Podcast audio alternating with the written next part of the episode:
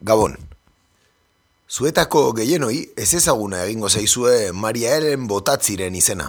Baina une honetan, gizateriaren eroi izan zatekeen bera eta Houstongo medikuntza tropikalerako Baylor eskolan zuzentzen duen lantaldea.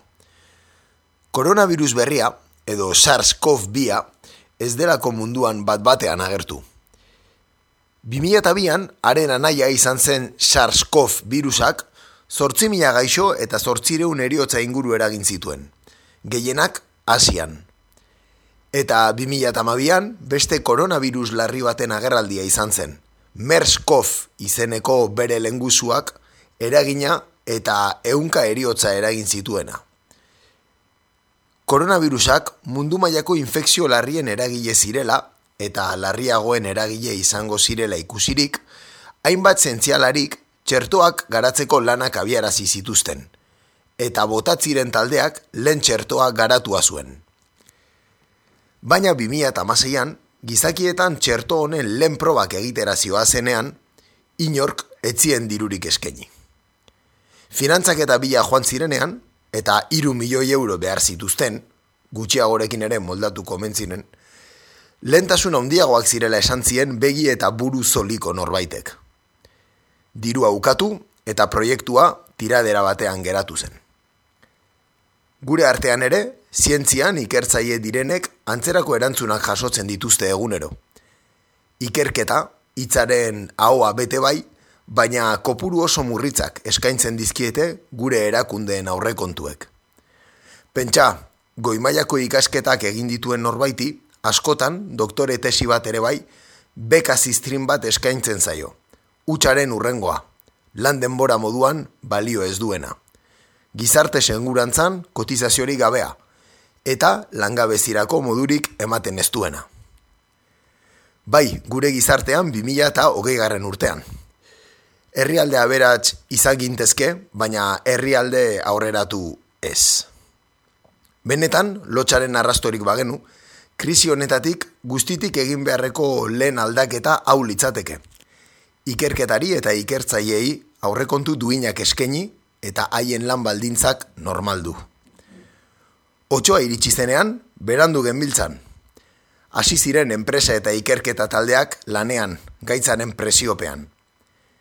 Sekula ez du ikerketak hainbeste aurreratu eta zientziaren ikuspegitik, benetan interesgarriak dira txertuak garatzeko erabiltzen ari diren bideak. Batzuk, virusaren material genetikoan oinarrituak, edozein mikroorganismoren aurkako txertoa garatzeko bidea emango luketenak. Beste batzuk, arriskurik gabeko adenovirus bati koronavirusaren zatitxo bat gehitu diote. Gure gorputzak, defentsak garatu ditzan. Eta hirugarrenik betiko bideak daude, virusa bera indargabetuz. Txertoak emango digu gaixotasun hau gainditzeko aukera. Ilabete gutxitan manatuko da, edo dira, Orain, borroka komertzial bizian dabiltza, zientziaren ordez, tratante teknikak erabiliz. Koronavirusa pasatuko da, baina ez ditzagun ikertzaileak ahaztu. Izango direlako erronka berriak eta zientziaren erantzuna beharko dugulako. Hau da, atzokoan berrian Felix Zubiak, Donostiagako ospitaleko ziuko medikuak argitaratutako zutabea. Hemen azten da, gaur egur. Guten Tag, meine Damen und Herren. C'est la lutte contre le terrorisme.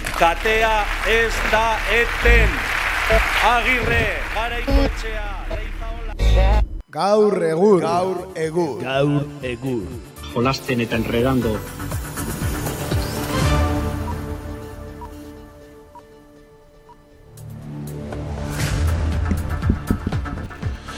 Bueno, Arratsaldeon. Arratsaldeon denoi. Arratsaldeon denoi bai. Bueno, usted gaur egurren historian lehen aldiz, eh, asteazken baten ari gara emititzen gaur egur, eh? Hori da.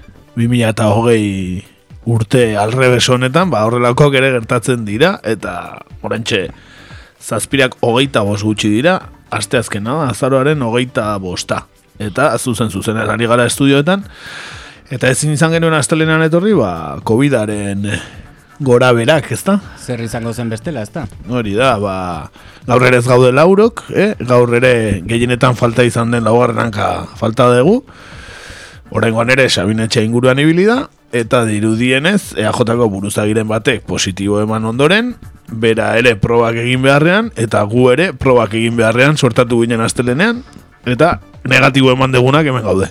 Hori da, e, protokoloa aplikatu behar izan genuen. Hori da, Eh, bueno, protokolo jeltzalea, kasu honetan. bai, e, eta no, denok e, kate baten moduan, eh, ia loturi gauden, ba, eh, ka- kateko esan daiteke... eh, Kate begi bat apurtu eta Bai. beste guztiak hor geratu ginen, ez? Bai, A- ADN kateko kate begi bat, ezta? E, kasu honetan, e, ba bai, eta orduan, ba, historian lehen aldiz ez dugu astelenean e, egingo gaur egur, asteazkenean baizik, ez? E, ba, prestatu genituen gai guztiak e, izozkailuan sartu genituen, eta gaur berriz atera ditugu aldaketa gehiagirik gabe, beraz, aste artean atzo eta gaur gertatutako eta asko ezingo dugu aipatu. Eh, naiz eta danok dakigun jada eta zuek hau entzuten ari bazaretere jaingo zen ja, digo Armando Maradona hildala, badakigu, badakigu, enteratu gea. e, ikusi dezazuen aste azkenean ari garela, eh? Bai, bai, gu- gu ez gea bizkortasun eh, horretan ibiltzen, kazetariak eh, diren eh, azkartasun eh, Zentzu horrekin, ez? Hori eta da. hori da. Gu pau, pausatuago egiten ditugu. Bai, hori da, gaur ere gainera, adibidez, e, indarkeria matxistaren aurkako eguna ere bada, eta bar, baina, bueno, nola guk astelenan egin barban irratxaio, ba, hori ere ez dugu aipatuko, baina, bueno. Ba, Hori, besarka sabinetxeara, eta ja, datorren astean, ja, deskonfinatzen duten, edo, edo zer gertatzen den, ikusiko dugu, edo gu konfinatzen gaituzten besteok, edo ikusi behar. da. Ongi etorri. hori da.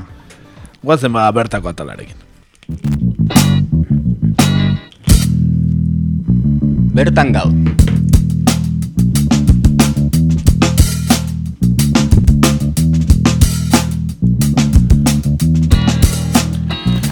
Beno, bertan gaur atalean e, aspalditxotik heldu nahi genion gai bat ekarri dugu, ezta? Entan, interesatzen zaiguna. Izan ere, azken egunotan ere jakin dugu gure herriak inguratzen dituen zeharkako korridore estrategikoan egin beharreko konbertsioak e, ze kostu izango duen. Edo gure hizkuntzan esan da eta ez hizkuntza jeltzalean e, herritik kotxean ateratzeko ba, ze prezio ordaindu beharko egun eurretxu zumarra garrok besteak beste, ezta? Berez eh, Euskal Herrian aurretik dauzkagun bidesari ugari zein mardulei gehituko zaiela esatea, ba, sobera dago noski, bintzat urretxu zumarra garrok eta ondoko herrietan ondo dakigun moduan, eh? E, tokatzen zaigu, tokatuko zaiguna. Urretxutik Bilboko aireportura joatea adibidez, beraz, ba, hartu behar duzun abioi hori, baino garestiagoa agian aterako zaizu, eh? Orain ikusita nola erregalatzen ari den gaine abioietako, ez, e, txartelak, eh? Baina ezin duen inorri bidaiatu kiston merke omen da, ere, esan ziaten lenguan. Ba, bai, agian gehiago kostako zaizu urretxutik Bilbora joatea abioia bera baino, ez? E, Hala ere, ze diru kopurutaz ari gara, benetan hitz egiten, eh, ze berri dago guztionen inguruan. Bai ez, bai irudi hizkuntza jeltzalean esan da beharrezkoa dela autobidei bidesaria jartzea nola bait. Baina, bueno, e, esan hau e, jakin genuela, ez, duela hilabete batzuk, hain zuzen ustaiak amabiko hauteskundeak igarota, ez, oikoa den moduan, ba, gure herri erdia, herria, erdia, eh, barkatu, herria erdian hartzen duen A seireundagoita amasei edo behasain durango autobideari kanona ezarriko ziotela onartu zuten, ez? Da, azaroaren emeretzean jakin dugu, e, Gipuzkoako aldizkari ofizialan argitaratu eta gero, ba, ze prezio izango duen, ez? Bai, hauteskunde baino lehen aipatzen dute Hauteskunde baino lehen e, e, inaugurau egite dituzte autobiak, baina ja hauteskunde ondoren aipatzen dituzte pe, peajeak eta hori zenbat izango dira. Hombre, noski. eta, ba, bueno, e, preziotaz galdetu didazu, eta ba, demagun urretxutik e, bergarara joan nahi dugula, ez? Hau da, e, deskarga jetxi, antzuela pasa. Eta hor- hori egiteko euro bat eta berrogeita bat sentimo. Ordaindu beharko dugu, zazpiko mairu kilometro dauzkan tramo batean, ez? Honek esan nahi du, ba, kilometroko amabost sentimo punto sei ordaindu beharko dugula, ez? Bueno, eta ba, beste alderantza joan nahiko bagenuke, behasainera, ba, e, euro amabi izango litzateke, zortzi koma bi kilometro dauzkan ibilbidean. Eta kasu honetan, zertxo bait merkesiagoa izango litzateke, normala den moduan, ez? Hormaiztegitik behasainera doan tramo hori kobratzea... Kobratzea berak lotxo mamarko luke. da- dalako, ez? Eta kasu hortan izango litzateke 0 amairu puntu 66 e, sentimo kilometroko, ez? Da, bueno, e, erdibidean geratu nahi izan ez gero, ez? Norbaiteko la hormaiztegira joan nahiko balu ez dakit belaino bila, adibidez, ba, irurogeita malau sentimo ordaindu beharko ditu, ez? Bai, ormestiko txakurraren egitera, igual, Hori eh, daiteke. Bueno, bai, egia esan lotxak gutxi, eh, urretxutik behasainerako bidean, eh, bidesaria kobratzea ere, ezatik, ez dakit ongo dan Euskal Herri guztin, autobia okerra, okerra horik, eh? beti dago Luiziren bat, kurba guzti kontrapelatauta ere, Bai, bai. irristakorra, Bai. akzidente pilo baten da. Bai, istripu asko goten dira, eh? eta bain negu partean eta euria egiten duenean batez ere, e, istripu asko Bai, bi, bi norantzatan bai. Urretxu zumargan danok ezagutzen dugu edo edo egin edo gertatu zaigu eh, istripuren bator edo izan duen norbait ezagutzen dugu danok. Bai, azkenen Bide horretan. eh, Bide txarra da, ez? Kurbaz betea, eun baino gehiora joan da baia notatzen duzu ez nola kotxek kalde egiteko arriskoa daukan, eta ba. Baina, bueno, ba, bai, kobratu egingo digute. Ba, bide saria txak, eh? Txak. Donostiko metrorako. Hori da.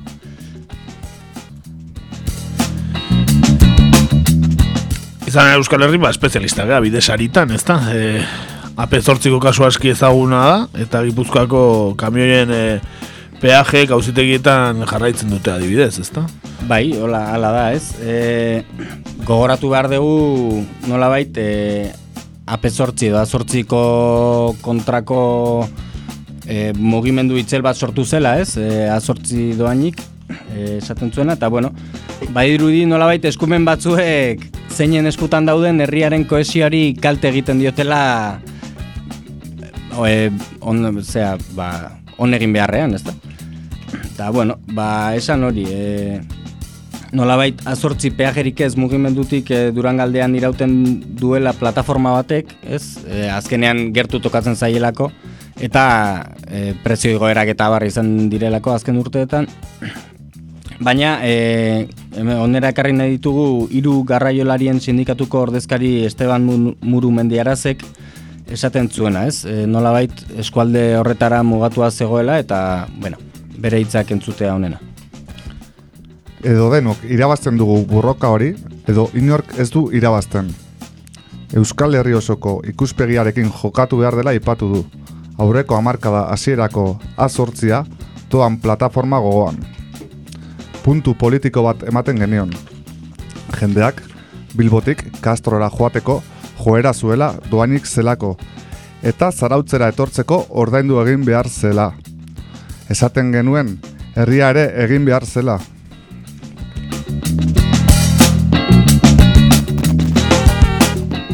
Bai, benetan kuriosoa da, ez? Bai, hori da. Bilbotik eh, Kantabriara jotea doain da, baina baina Bilbotik eh, Euskal Herrira joatea, ez? Euskal Herriko beste puntuetara joatea ez da ez da doain. Ez da doain, hori da. Eta beno, hori ba, egia da herriaren kohesioari, ba, hau da, e, her- herritarrak bere herria mantentze horri ba, kalte egiten diola, ez? Inongo dudari gabe. Baina, diruak agintzen duenez, horrela dago asuntoa. Eta, bueno, aipatu duzu moduan ere, kamiointzako arkuak ez, horri irauten dute, e, andoain, zarautz e, inguruan, eta, bueno, e, naiz eta hauzite, Gipuzkoako auzitegi nagusiak esan e, legez kontrakoa zela, ba, aldundiak e, kobratzen jarraitzen du, e, kamioi guztiek kobratzen jarraitzen die, eta e, orain ba, gorenaren esan, esanaren ba, epaiaren zain daude, ezta? Eta, bueno, pentsa laiteke epaia aldundiaren kontrakoa izan ezkero, ba, atzera ordaindu behar dutena izugarri izango dela, eta orduan bai etorriko dela komediak ez, eta behar bada e, beste, beste autobide edo kanonen ba, prezioan eragina izan dezakela gainera. Bai, ez egiten badi auzitegiak e, kamioilariei eta garraio enpresei dirua itzultzea diputazioak, ez? Ba, diru hori ateratzeko, ba, nundik atera barko du. Bai, ingo ditu beste bidesari batzuk, edo, ez? Zuru zerbait egin beharko du. Bai, bai, eta bueno, e, esan, askotan pentsatzen dugu AP sortzia dela e, Espaini mailako garestionetariko bat, ez? No, e, hartuko, hartzen badugu, ez? Adibidez, e, prezioa kilometroko, hau da, e, demagun bilbotik behobiaraino joan da, eh? Kasu horretan, Egun da bost kilometro lirateke eta prezioa 0,amabi euro aterako litzake kilometro bakoitzeko. Eta honek jartzen du e, autobide hau ba, estatu mailan, Espainiako estatu mailan, emeretzi garren postuan. Ez hogei autobide garestienen artean emeretzi garrenean. Esan hartxandako tunela bosgarren, bosgarren postuan dagoela, baina e, berriro azpimarratu nahiko nuke AP sortziak daukan prezioa kilometroko hau da 0,amabi euro, e, gogoratzen baduzue, ba, guk ordaindu beharko duguna, baino merkeago da, hau da. E, Guk. Hori da, ez? Gure, ba, alde batera, bergarara joan izan ez gero, ama sentimo, eta behasainera, adibidez, ba, amairu, ezta? Orduan, kasu batean, iru sentimo, eta bestean sentimo bat garestiago, Hala ere, tramo berria da bergaratik behasainera, baina bergara aldera joan da, hortik aurrerako autobidea guztiare ordaintzen da. Bai. AP sortzia bilborantz, bai gazteiz alderantz, Hori da, osea, bergara, edo nahi baduzu elgeta aldera hartu dezakezu, baina... baina autobidean zehar, autobidean eh, ordaindu da- ibar, dana autopista. Bai, bai. Eta horlaxe, daude gauzak.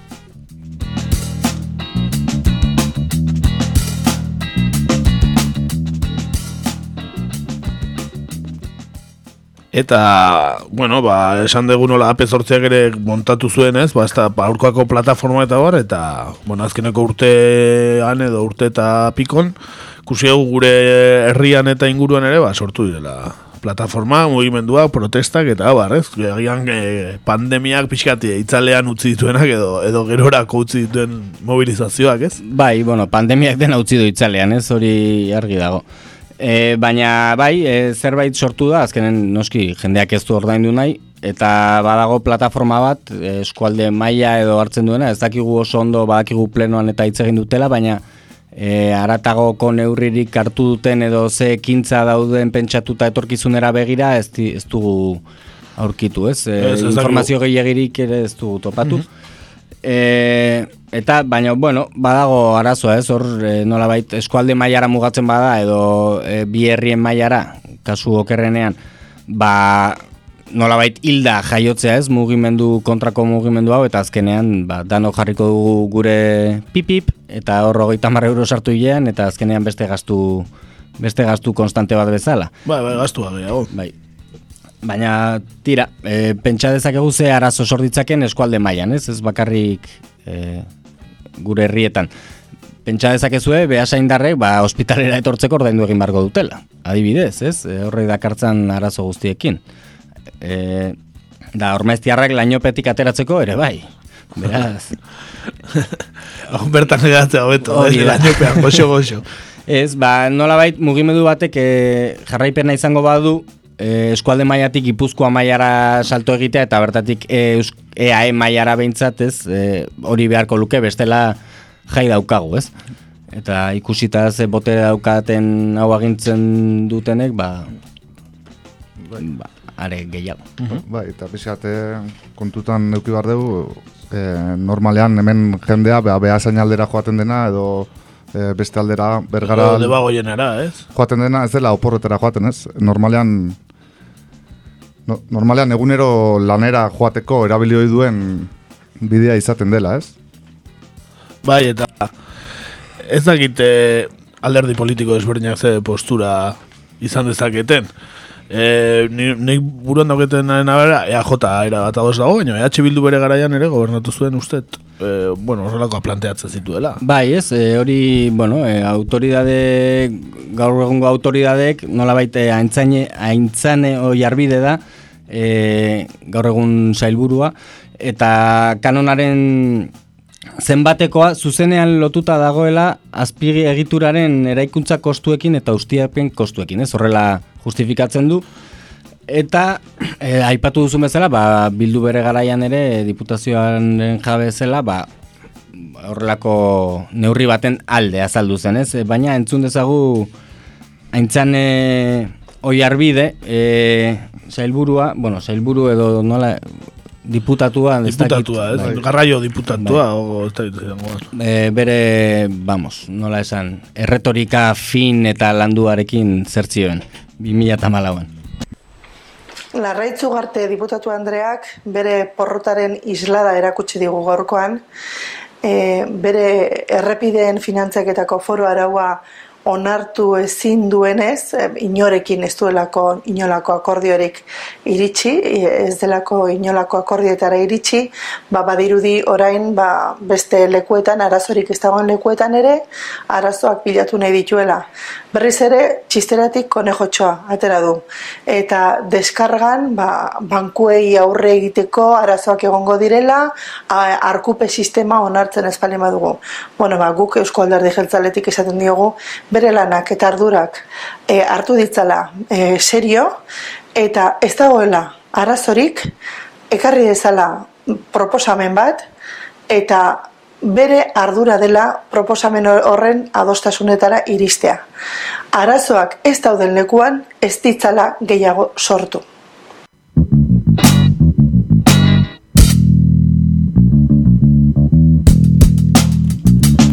Lagunak egiten, eh, aintzane, bai bide. Hori da.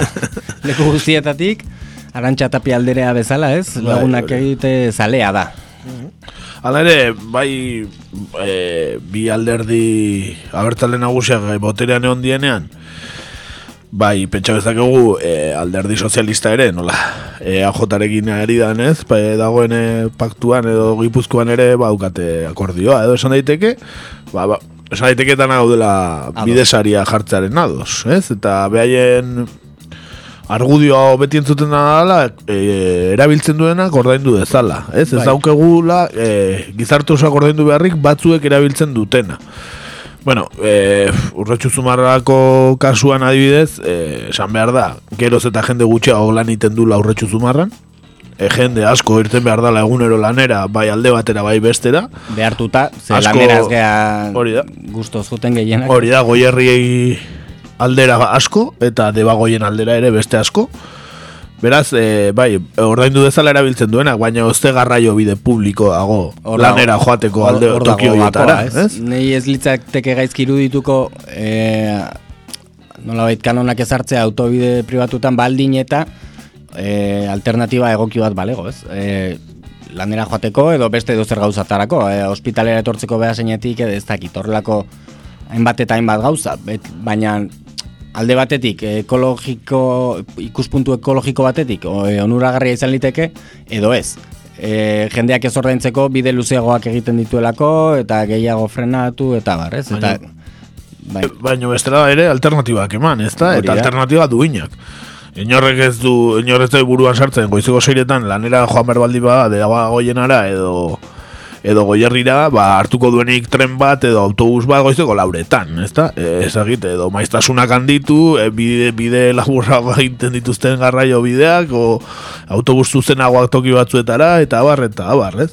hori da. Esan nahi, eta alternatibak eman, zeren, Bai, industria guneetara zenbat autobus ezagutzen ditugu, ez? E, nik lan egiten dudanera behintzat bertan gordetzen dituzte, baina bertara bat ere ez da iristen. Osea, ez dago bat ere, orduan, e, osea, ez dago aukerari zure kotxe hartu edo saluda zaude.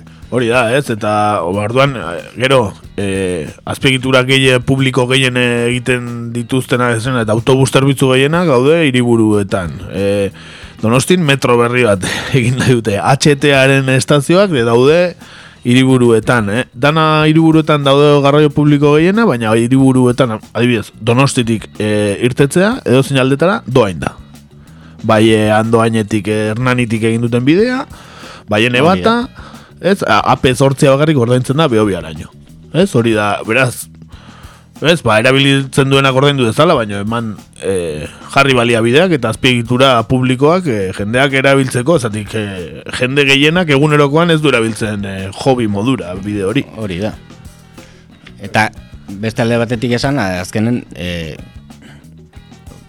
kanona ezartzea ados, baino behin e, kostuak eta ustiapen lanak eta hori dana, ez, e, bete eta gero, ba, kobratzen jarraitzea hor ja, badagoela dirukeri nahi bat, ez? Bai, e, lehen aipatu duzu azortziaren kasuan, esan duzu, bueno, e, guri egin diguten autobideara baino merkegoa dela, bale, hori erabat adoz, baina kontutan duki behar da, ezagite, iru garren amarkadan eraikitako autobidea dela, azortziare. Naiz eta e, orain dela urte gutxi batzuk, e, Hirugarren karrila jarri zuten, ez? bai, kilometro batzuetan, hori da. Baina, e, oso autobide zaharra dela. Et, ez? Eta bai, ba, zuk aipatu duzun bezala, ba, e, ondo legoke herritarrok e, ba, kudeaketaren datuen berri izatea eta e, autobidearen ba, muzkino irabazien datuak izatea. Bai, ni egon naiz begira, saiatu naiz zortziko mozkinak eta bar aurkitzen, eta aurki, sekulako txostena, mardula, e, ba, grafikoz betea, baina diruko purutaz inon ez zuen hitz egiten, ez? Da, benetan zaila suertatu zait, horregatik ez dut ekarri horrelako daturi, baina. Eta gero esan behar, bai, azpigitura ordaindu arte kobratzearena eta hori, baina gogoratu behar dugu e, mendik bergarara doan bidean ere egon direla atzerapenak, e, ez, sobrekosteak, e, obrarenak, kristoren dirutza gehiago e, aurre kontuan jartzen zuena baino, eta hor dena, e, dena dago garbi, e, gastu sobrekoste guzti horiek e, e, benetan garbi daude ze beharrezkoak ziren, nola dagoen, hor, hor atzean dagoen guzti hori ere argi azaltzen dute digute, ez? Zeren e, atzerapenaren zati handi bat horti dator, ez da bergara Antzulo eta bergara arteko tramo hori, ez? Erori izala lu- mendizati bat. bai, eta- bizi bat egon zen, eta e, bai, eraldaketa sakon bat egin behar izan zuten, eta e, egia esan gainera, e, hor badago pusketa bat bergara sarreran, e, pues, ge, maiko geldi joan bara daukezula, ez? E, Karril bakarrea hori bihurtzen da, ez? Pero hori zen zati horren inguruan, ez? Osea, gainera iruditzen zait e, gainera e, ordainpeko zatia izateko, ba, ez dakit, e, nahiko barregarria iruditzen zait, ez? Eta hori, e, zatiei ordainpeko jarri behar duten zatianen, zatirik berriena.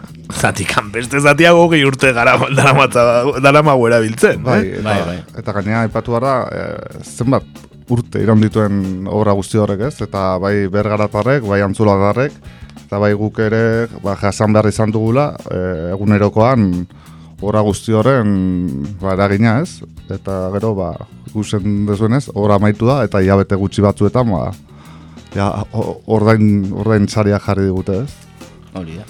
Baina, bueno, ikusiko dugu nola evoluzionatzen duen honek, ez? E, Bai, ea, plataforma eraginkorren bat e, esan, e, bai, 2008ko ustaia baino lehen, ez? E, derrigortuta daudela nola baitz kanona ezartzera, hola jarri dute, Gipuzkoako aldizkari ofizialen, eta ikusiko dugu, noiz iruditzen zaien momenturik erosoena, behar bada etorren urtean, denok euforiaz josita gaudenean maiatza aldera, behar bada, ez? Bai, denok ja, ez? E, Covid alde batera utzi tabernak ireki bai, eta bar, hor- txe- txertoarekin hor- batera iritsi daiteke, Tak. bai. Susmatzen dut, bai. beste nonbait diskutatzeko Baina, bueno, hor, apostua zabaltzen du. Bitartean, alternatiba modura herritarrei zabaldu, e, HTA joango den bidetik, a, bizikletan joan gaitezkela bergara eta behasaina, ez? Oantxe libre eukiko deu bide hori, ez? Agian etorkizunean Europako bide gorririk handiena izango dena, ez? HTaren bidea, erabili daitekela agian bizikletan e, behasaina eta bergara juteko.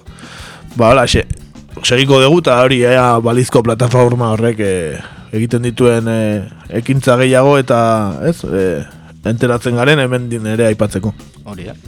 Guazen nazio artera.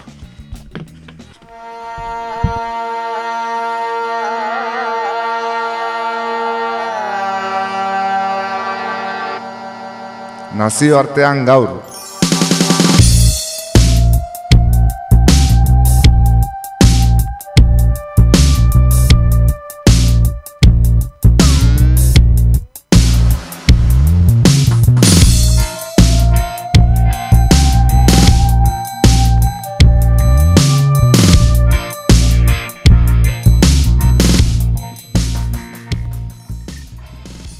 Gaurkoan berriz ere Ozeano Atlantikoa gurutzatu eta Amerikar kontinentera joko dugu.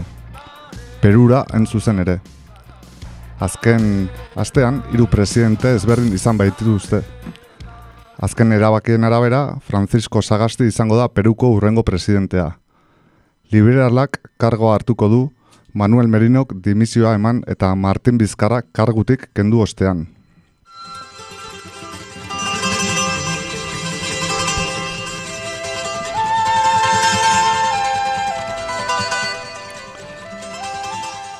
Ba, jakin dezagun gehiago ez, krisi nazional honi buruz.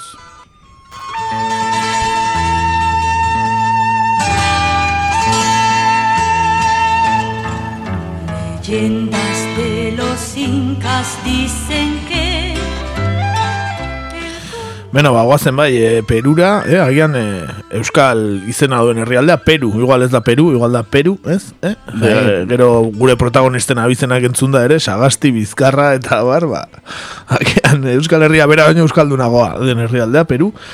E, Hala ere, broma kalde batera utzita, esan e, gaztelaniaz Peru dena, ba, kitxua eta aimara hizkuntzetatik dutela, Piru, deitzen dute bai, idatzita Piru eta bukaera nube bikoitza, Piru, o Piru, ez da esango duten.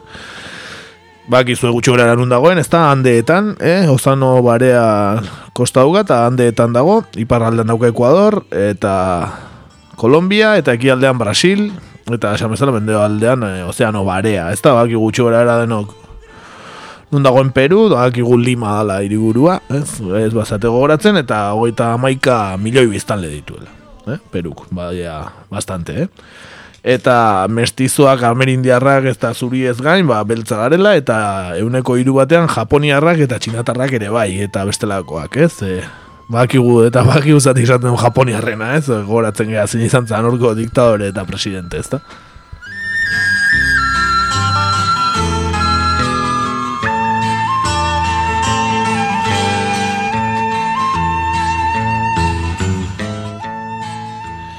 Esan krisi, azken krisi hau, ba, azaroaren behatzian hasi zela, bueno, azken atala, krisi honen azkeneko atala.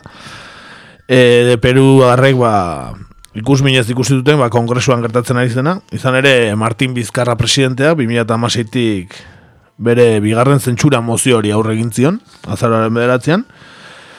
Aurkako emeretzi boto izan zituen, lau astentzio eta beste eunda bostek egin zuten e, e, ba, mozioaren, zentsura mozioaren alde, eta ba, kongresutik ba, kar, kargu gabetu egin zuten, e, ba, Manuel Martin Bizkarra, ezta? E, esan mozioaren alde egin duten kongresukide asko eta asko daudela ustelkeriagatik e, epaiketetan, dirua garbitzeagatik, baten bat e, hilketaren bat ere egozten diotela baten bati, beraz, bueno, pixkat aipatzearen, e, ze arko parlamentario daukan Peruk, eh?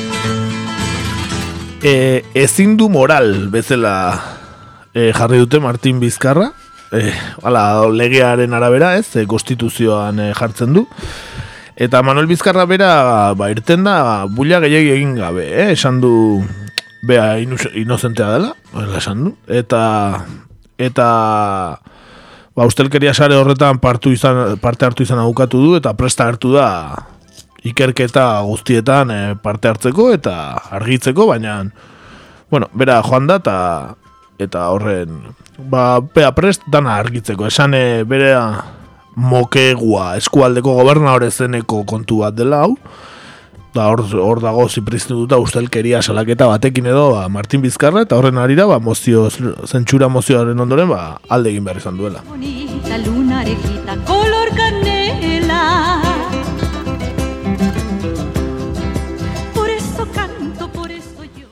Eta hiru presidentetako lehen agurtu dugu, eta ondoren bigarrena iritsiko da, ala? Hori da, ba, mozio, zentsura mozioaren ondoren, etorri zaigu Manuel Merino kontserbadorea, eta ordura arte kongresuko presidentea zena. Ez da, e, ba, behin e, presidenteak argu gabetu ondoren, ba, kongresuko presidenteak hartzen du behin behineko presidentetza dirudien, ez, perun? Eta, ba, berroeta meretzi urteko enpresa buru honek, ba, dimititu egin behar izan zuen, e, hainbat protesta gogorren ondoren, milaka pertsona kalera atera ziren, eta konstituzio aldatzeko eskatu zuten, nola ez Perun ere poliziak gogor egin die manifestariei, beste beste gas negar eragileekin, eta baita perdigoiekin tiro egin da ere. Eta protestetan liman bi gazte egin ziren. Eta dozenaka zauritu eta berrogei manifestari desagertuta omen daude. Ikusi egin behar nola, baina eh, izlarriak, eh, berrogei desagertu bi hildako eta dozenaka zauritu. Hori denak giza eskubiden koordinakundearen arabera. E, ba, larun, larun batean ko protestan bi gazte hauek hil ondoren, ba, gobernuko, ba, behin behineko Manuel Merinoren gobernu hortako emezortzi ministrotatik amairuk dimititzea erabaki zuten, eta orduan, ba, Manuel Merino ere, ba, kargu utzi zuen.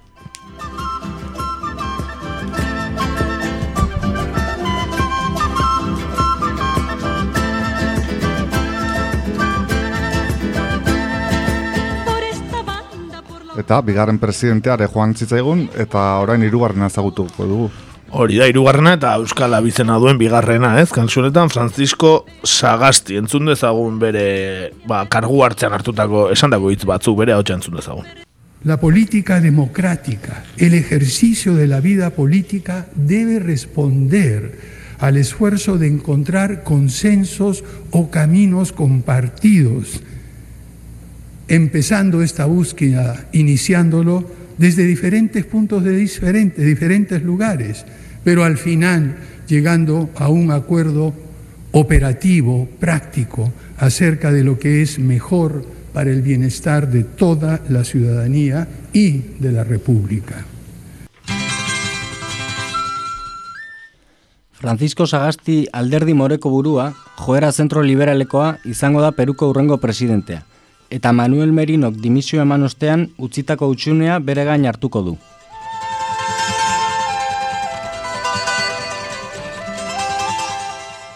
Sagastik irurogeita amasei urte ditu, eta kongresuak presidentea, kongresuaren presidentea da, eta ondorioz, konstituzioan ezarritako presidentearen ondorengotza prozesua bere gain hartuko du.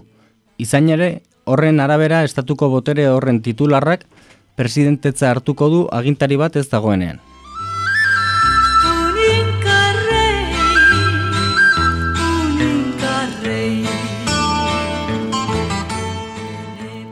Sagastiren aukeraketa hori ordea ez da erraza izan, eta igande gauean utxe egin zuen saiakera baten ondoren iritsi zen. Izan ere, Rocío Silva Santisteban ezkerreko diputatua buru zuen eta lehen presidente orde gisa zuen beste zerrenda bat baztertu zuten biltzarkidek.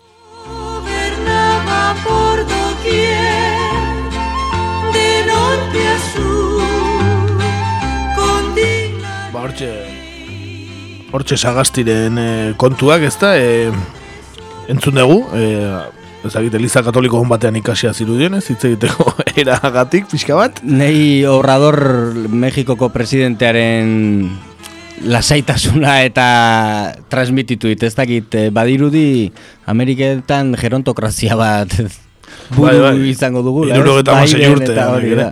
Hala ere, esan ba hori, eh, hasieran eh, Rocío Silva Santisteban izan bartzuela, bueno, hor movimentuak ari zela izaten, eta beak sagasti izango zela presidente orde, baino beak eh, traiziotzat hartu zuen hau, eta eta orduan ba azkenan uko egin eta gero ba bea izango da ba presidente berria eta berak esan duenez ba e, urrengo udaberrian hauteskundeak e, deituko dituena, ezta? E, behin behinekoa izango hemen da presidentea. Aste baten buruan, hamar egun baino gutxiagoan, hiru presidente izan ditu Peruk, eh? Beretan harrigarria. Eta Espainian ia bi urtetan bat aukeratzeko ezinean, eh? Ibili gara. Bai, o- Zerraztazun. Hola behar luke, ez? Da. Astero bat. A ber, hobetzen duen, da, behin gustautakon, eh? E, hori utzio. E, esan e, ingeniaria dela hogi bidez. Eta, bueno, beti danik ibili dela politikan, eta ja laro garren amarkadan ere munduko bankuko kontseilari tekniko izan zela. Asi, gutxi gara, bakigu ze perfiletako gizona den, eh? Esan laro garren amarkadatik hor da bilena, ba, ezagutu dituela Peruko agintari ezagunenak ere, ez da, beraz, eh, tratu pixkat izango zuen gure Fujimori maitearekin eta abar. Esan bezala, ba, udaberrian edo uztailean edo esaten du hauteskunde orokorrak dituko dituela, era ba, baketsuan, tra, transizio baketsu bat egiteko, e, ala, ala dio berak ikusi egin behar.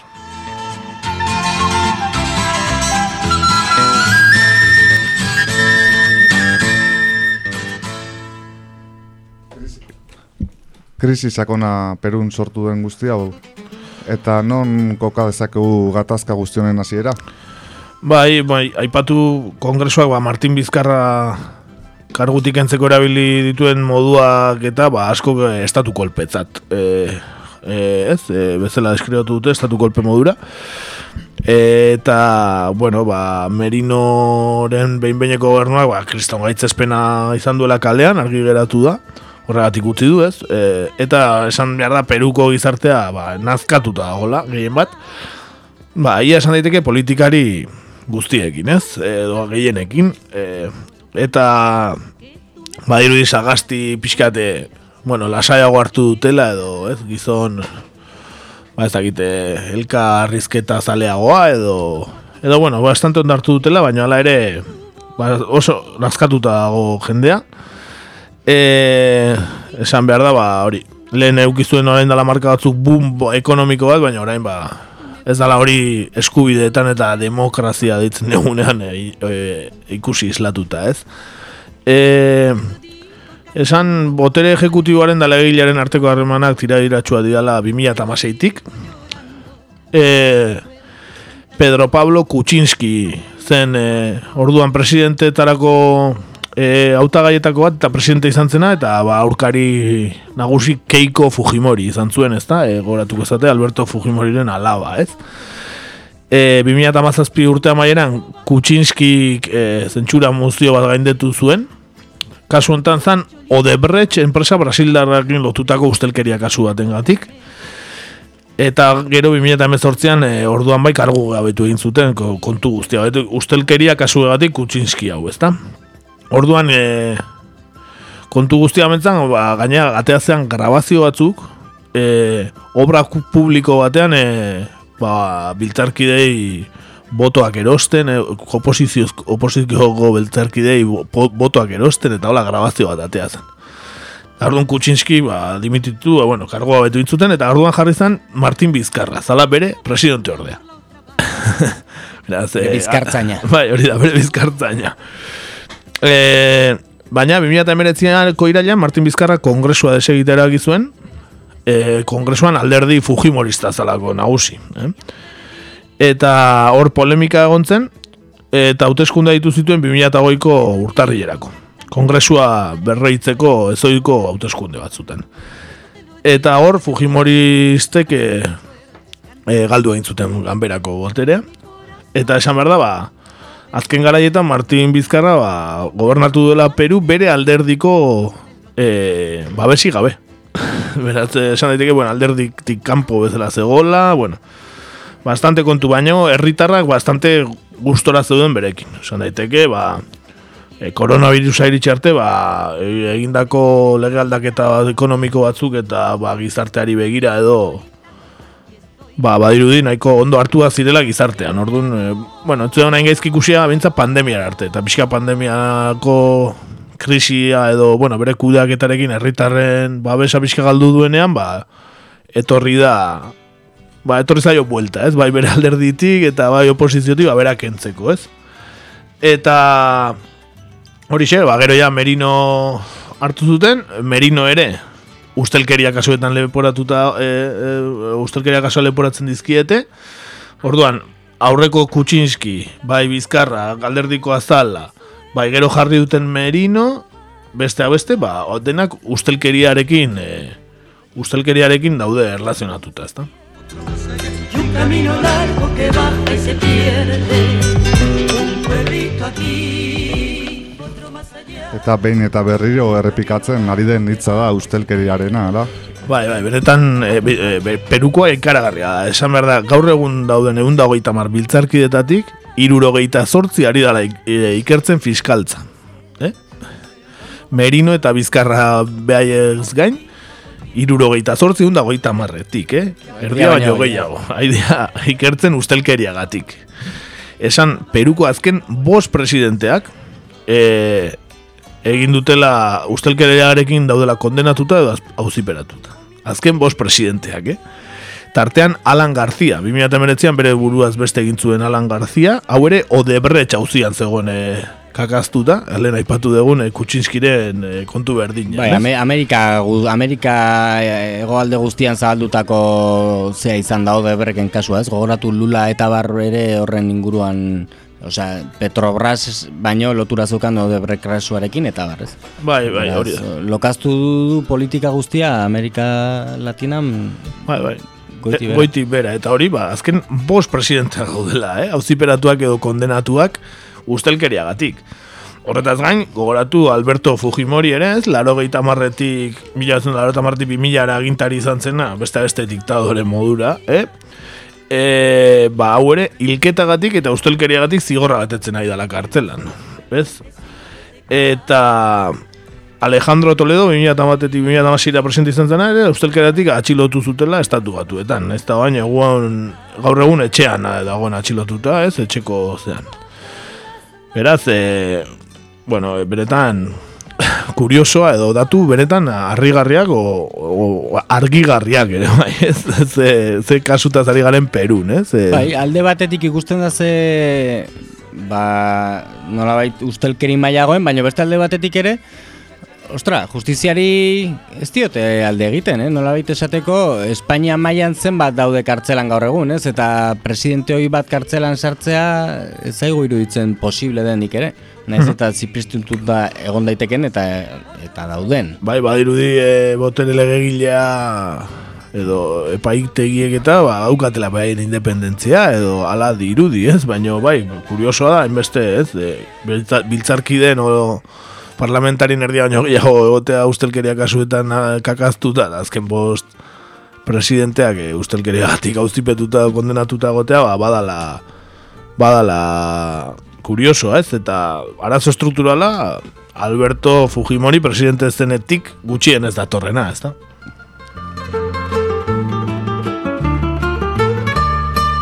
Yo te amé con locura que hasta me imaginé. Ba, bai, Fujimori aipatu duzu eta ezin peruta zitzegin Alberto Fujimori aipatu gabe, noski.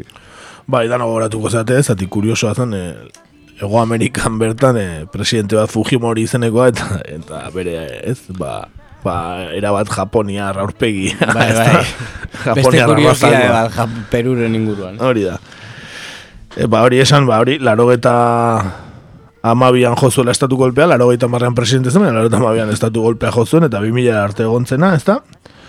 E, eta, bueno, badirudi, ba, orain beste beste, ba, badagoela gatazka bat, Kuczynski presidentearen ingurukoena, zatik Kuczynski, ba, gizonaik aberatxenetakoa da Perun, Eta, ba, Keiko Fujimori, ez, Fujimoren alabaren ingurukoak, haue, ba, bueno, kontserbadoreagoak, eta, bueno, oso joku garbia erabiltzen ez dutenak, esan dezagun, ez da? E, ikusi beharkoa datorren hauteskundetan ze gertatzen den, ea Fujimoriren aldeko irabazten duen, Kuczynskiren aldeko, edo herri plataforma, edo, bueno, zeo zer der berri eta guzti honekin apurtzen duen zerbait eh, etorriko ote den, Baina, bueno, e, ba, ikusin behar, e, hauteskunda etortzen badea, ze gertatuko den.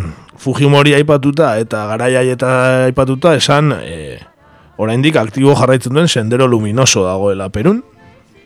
Ez da asko entzuten, naiz eta oraindik ekintza batzuk egiten dituen, eta naiz eta bere lider historikoa kartzelan dagoen, sendero luminosok ba, segitzen duela, ez? Eta ba, beste abizen euskaldun bat kartzearen, ba, beraien lema dala por el sendero luminoso de Mariategi. Ezta? Bai, beraien filosofia, bueno, Mariategi bien, Mariategista, ez? Mariategi e, nolabait marxista latinoamerikar bat izan zen, ez? E, bai, hori, pentsalaria, idazlea, eta bai, marxismoa latinoamerikara en, moldatu zuena, nolabait. Perua harra, e, hau ere, ba, bizkarra gobernador izan zen e, eskualdekoa, mokegua edo lagozen duela esan dugu, baina puntauta baina ez dakit nun. Baina bai, horkoa, mokegua hori, mokeguako mariategi, ba hori, e, Oiek ere, ba, euskagula beste batean aipatzeko sendero luminosen historiak eta abar, ezta? Bai, eta bai, bere, beraien lider historikoa izan dakoa, bai, oraindik kartzelan dagoena, e, oker ez- banago bera irakaslea, unibertsitateko irakaslea zen baita ere, Guzman apei e, abizenekoa da, oker ez banago, Bai, baina ez dago eta puntatuta, baina bai, olako zeo zer zen bai. eta horixe, bai, bai, e, egunen batean joratu behar dugu sendero luminosoren kontu hori, eta e, Eta zein jarri zion izen zatar hori, ere bai. El sendero luminoso de Mariategi, Bai, da jarraitzen bai. dutena horregatik. Baina izena zatarra eh, ofizialki ez da, eh, sendero luminoso ez da zautzen baina da Peruko alderdi komunista. Da, Bai, bai, bai, et, bai, eta gaina, e, zuk ez, aipatu duzun e, salde hori uste dut okerrez banago e, Mariategi berak e, idatzitako testu batetik dator, ez? E, Bai. hola, e, e, argi batek e, bidea, ez? Argituko digu e, bezalako Bai, bai, hori da, hori da, lema da, hori, de, el sendero luminoso de Mariategi, edo, ez? Esan, eh, dala, eh, sendero luminosoko kartelan dagoen buruzagi historikoa, aurkitu dut, eh, jazutarokan, Abi, Abimael Gu- Guzmán, ez da, eh, presidente Gonzalo, bezala, ezaguna. Bai, hori da, beste egun baten aipatuko ditugu denak. Ba, hori, Peruko kasu kurioso ekarri dugula, ez? E, ustelkeria estrukturala duen beste herrialde bat gehiago, baino, ba, aste betean hiru presidente izan dituena, eh? Eta, eta kalean, e, oraindik gatazka handiak egon dira, eta oraindik e, gertatzen ari direnak, ezta? Bai, eta lehen abizen Euskaldunak aipatu dituzu, presidenten abizen Euskaldunak, baina hor e, bere garaian ere iz- izan genuen hemen gertuko beste Euskaldun ezagun bat. Eh? Agirre jauna. Agirre jauna. Gure agirre kutxuna. Eta lehen aldiz Peruren e, subirautza berak alde harrikatu zuen, eh? Bera, bera erregezela, noski. Hori da. Baina Espainian Felipe Bigarrena zegoen garaian eza, eh, eza txantxetako kontua. Ez, ez, inondik inora. Hori ere, horrek igual pro, irratxaio oso alde karriko liguke igual, eh? Igualik, igualik gabe, bai, ekarriko liguke, ziur baiet. Bueno, ba honixe Peruko kontuak e, bertatik gertutik jarraituko ditugunak eta bitartan ba abesti bat ekarri dugu, pixkat e, gure ahotseztia lasai dadin, ezta? E, abestia ba historikoa, Defcon 2, ekarri dugu, los reyes son los padres, abesti guztik ez dauka zer ikusirik e, Perurekin, baina bukaeran, bueno, aipamena egiten dio eta bintzat bukaera horregatik bakarri bada ere, abesti bikaina, e, Armas pa'l pueblo disko ezino betikan eh, ekarritako los reyes son los padres abesti izugarria. Guazen.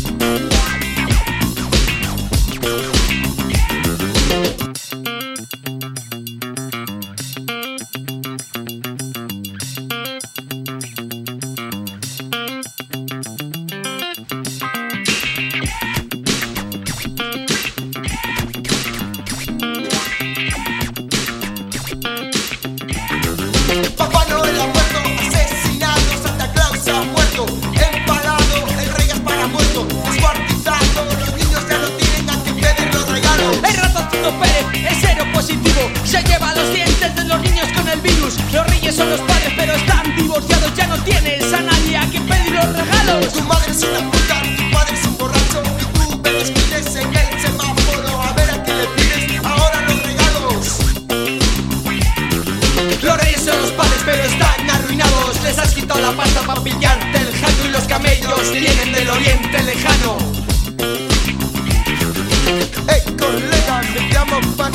dame un poco de jaco.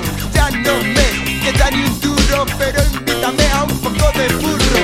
No creas que tengo morro, porque colegui, haz tu porro.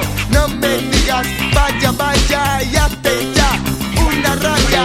Ya que vas de coleguilla, dame yo la pildorilla.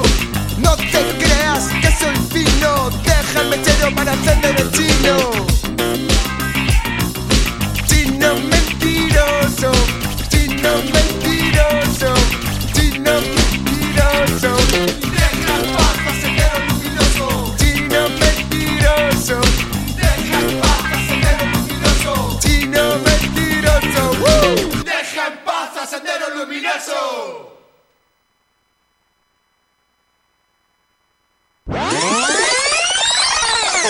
gaurko egunez.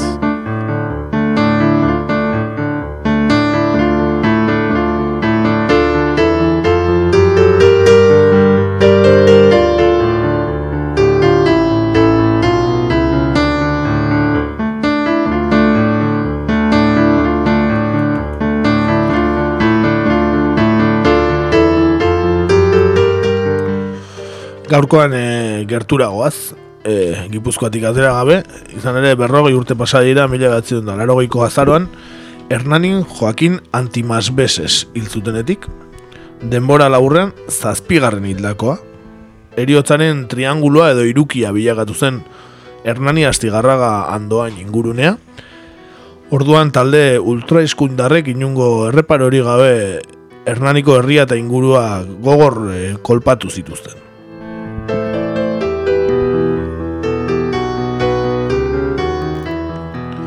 Hilabete gutxi batzuetan eriotzaren triangulo honetan e, zortzi lagun hil zituzten, tartean Hernaniko lau gizaseme, herrian sumina eta izua edatuz.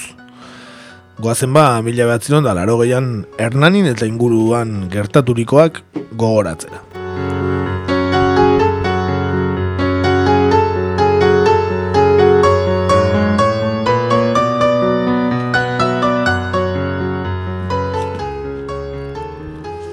Zer gertatu zen Hernani eta bere inguru eta mila batziron da laro gehian? Ze, ze pasatzen zehazki?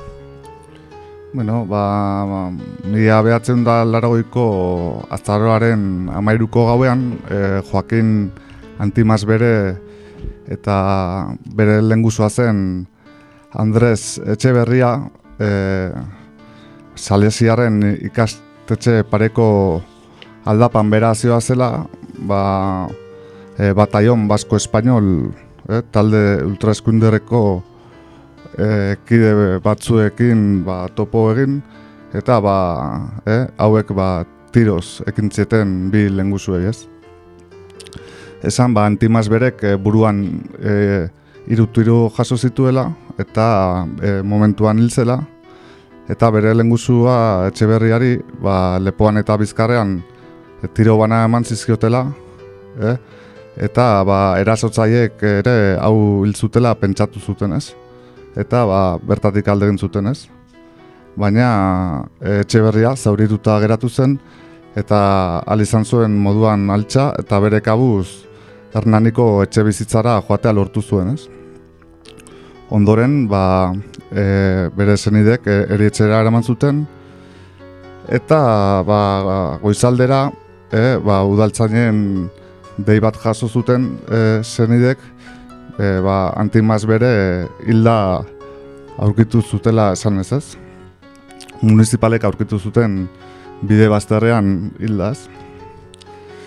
Eta ba, bi lenguzu hauek e, hernaniarrak ziren, e, hijitoak, e, hijito euskaldunak, antimaz berek egoita maika urte zituen, eta hogi bidez txatar biltzaia zen, ez?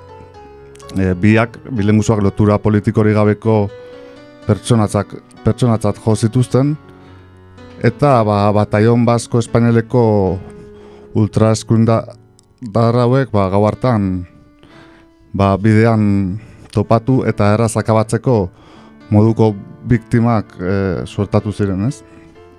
Izan ere, e, urnietan gau hartan gertatuko tako eraso hau, ba, estatu aparatuekin lotura zuten e, indar ultraeskundarek e, buruntzaldeko eskualdean bereziki ezarri zuten izuaren estrategiaren baitan kokatu behar da, ez?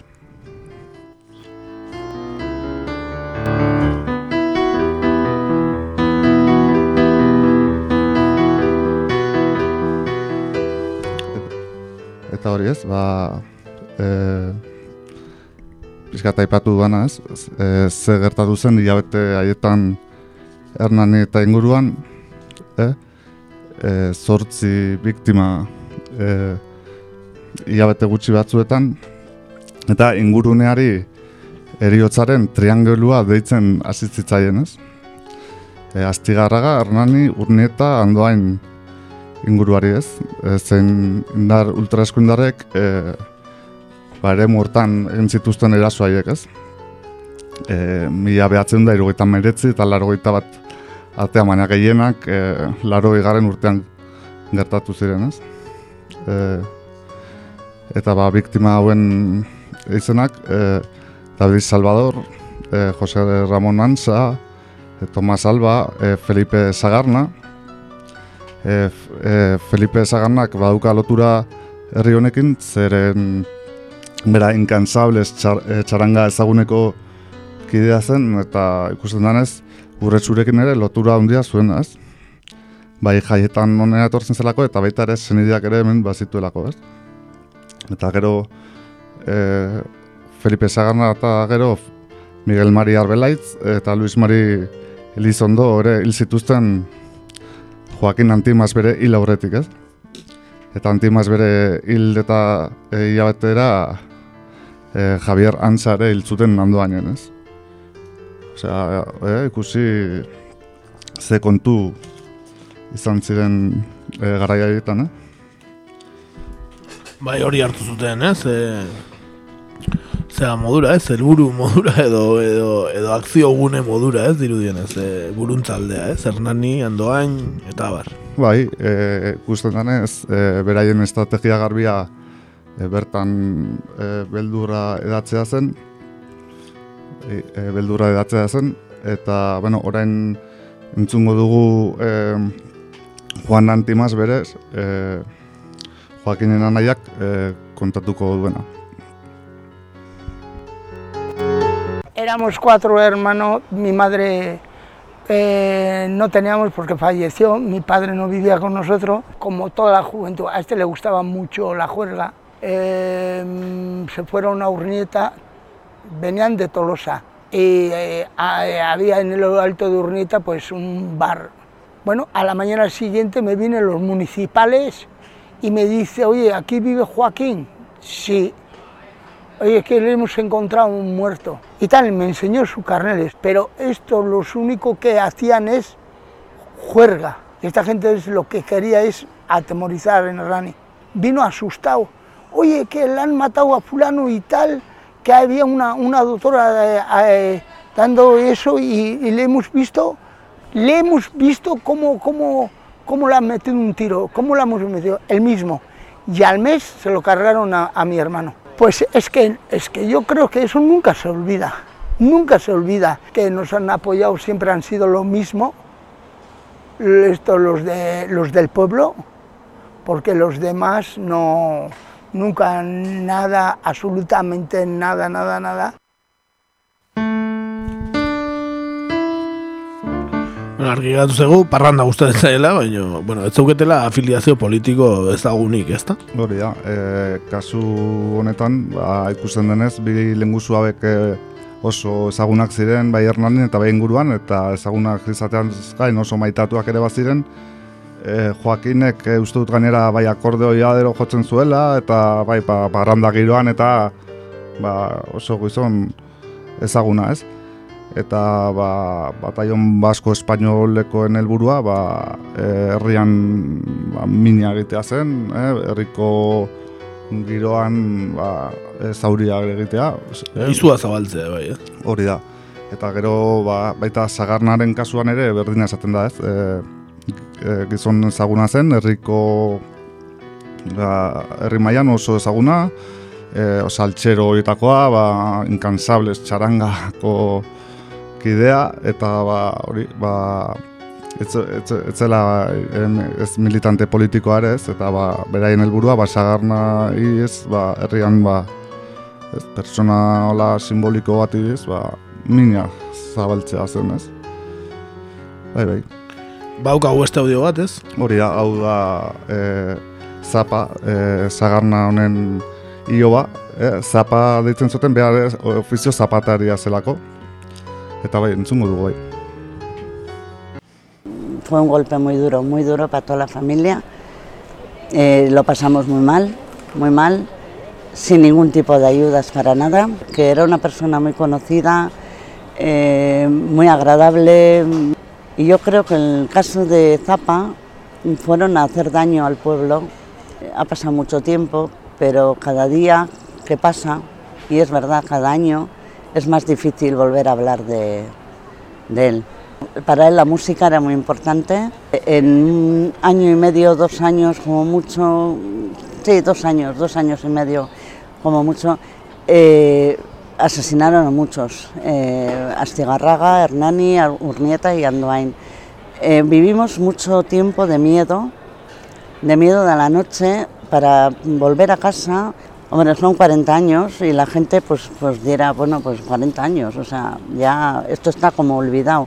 No, no, no ni se olvida ni el dolor sigue ahí. Las heridas se van curando, pero, pero mm, no se curan del todo. Bueno, por lo menos esta no. Eh, coincidimos en esto, en que nos han abandonado por completo.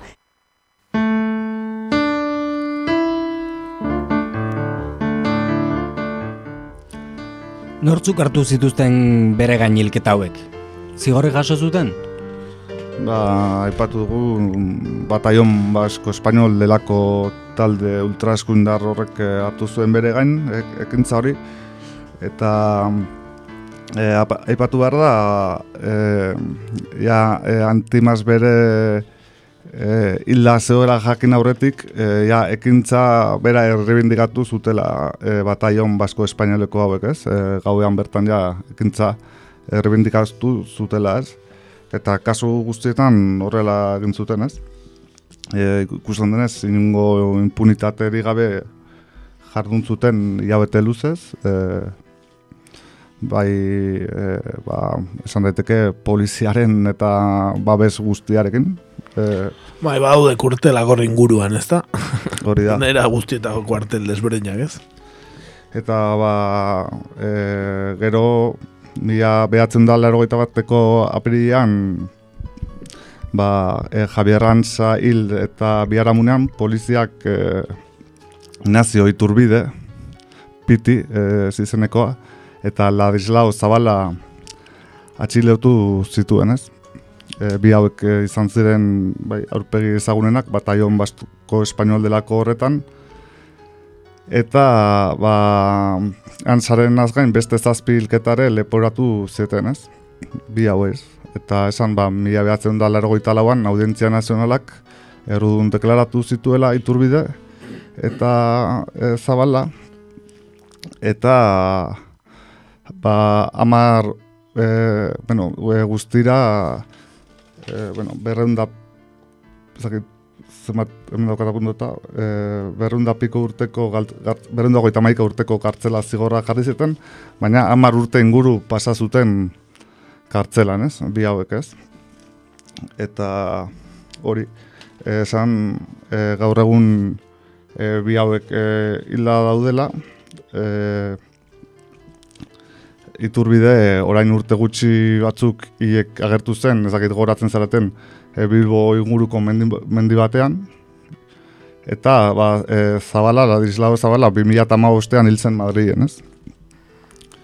Eta hori ez, e, bi hauek izan ziren aurpegi ezagunenak e, bataion basko espanol delako talde horretan. Ezagunenak edo marroia jan zutenak, ez da? Hori da, ez? Los tontos de... Bai, jakizu, baina seguru bat zaukatela, ez? Infrastruktura handiago bat atzetik eta beste babes bat, ez da? Bai, bai, bai, ziurrenik. E, gainea ikusten dara gero hamar urte eskaz pasada zituzten e, kartzelan, e, e, e, zortzi hilketa gaitik, e, ba, pentsa ez, zenbat ateratzen den e, hilketa bakoitzagatik, ez? Bai, eta, bueno, beste violentzia erabili duten beste erakunde batzuetako kide izen bat e, urte sartu izkieten, da zenbat urte pasa dituzten eta pasatzen dituzten gartzelan, ez? Konparazioa argia. Hori da. Hala ere, amar urte, amar urte dira kartzelate edo norentzat ere, esan konparaziotik dator, ez? Eta, bueno, Bai, ez dugu- Inorrio pa amar urte kartzelan pasatzen. Aurreko astean kartzelei buruz e, egindako diskurtsa eta gero ez dugu kartzelen alde egingo gaur, baina baina bueno, konparatiba a- argia da, ezta? Argi dago. Bai, e, ga- garbi dagoena, bataion basko espainol delako horren atzean egitura oso zabal bat zegoela, ez? Eta e, ez dugu asko jakin, ez? E, bataion basko espainol delakoari buruz, ez? Ematen du, ba, itura alde eta zabala bezalako... E, Parakaidistak, ez? Bai, hori da. Bai, bai.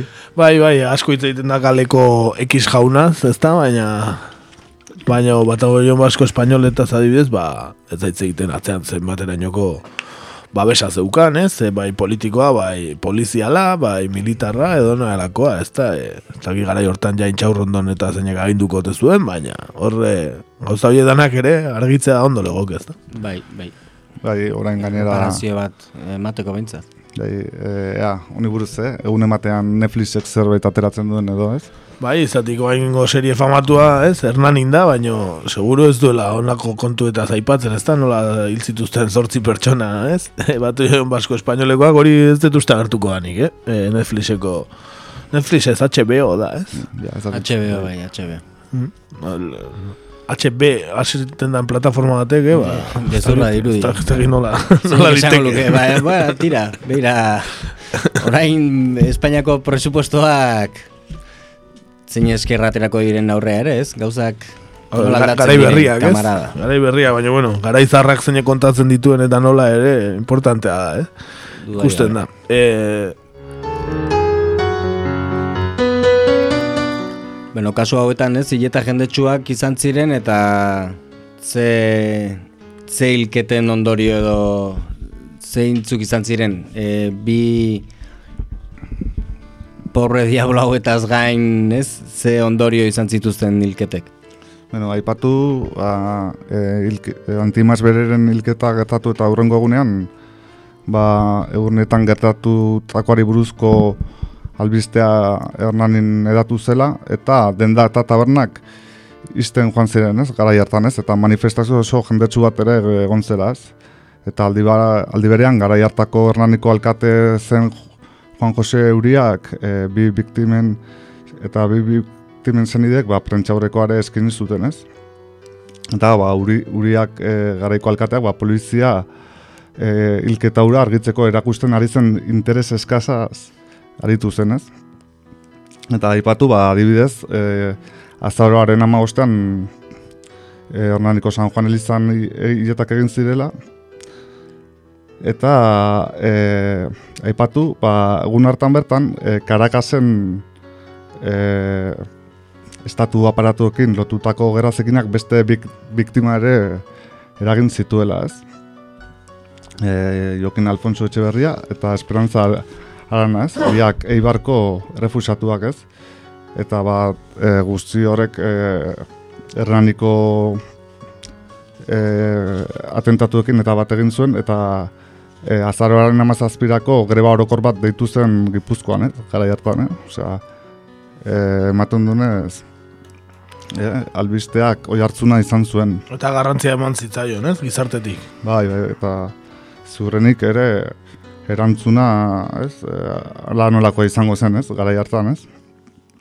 Eta, bueno, ba, ondorioak horik aipatu ditugunak, ez, e, ba, hilabete gutxetan e, hainbat hildako, e, ikusi dugunez, e, bataion basko espainol delako hauek e, zigorrak oso harina jaso zituzten, Eta lehen ba, biktiman zenei entzun digunez, ba, ez da la, inungo erreparaziorik eta inungo lako konturik egonez. Bai, herritarren eh, elkartasunaz gain, ba, ez instituzioetatik, ez ezer eh, inungo erreparaziorik, ez, ez dakigu, zerrenda hoietakoren batean agertzen den, ez, hainbeste biktima eta kontuen zerrenda gauden garai hauetan, ez dakit eh, horra agertuko diren.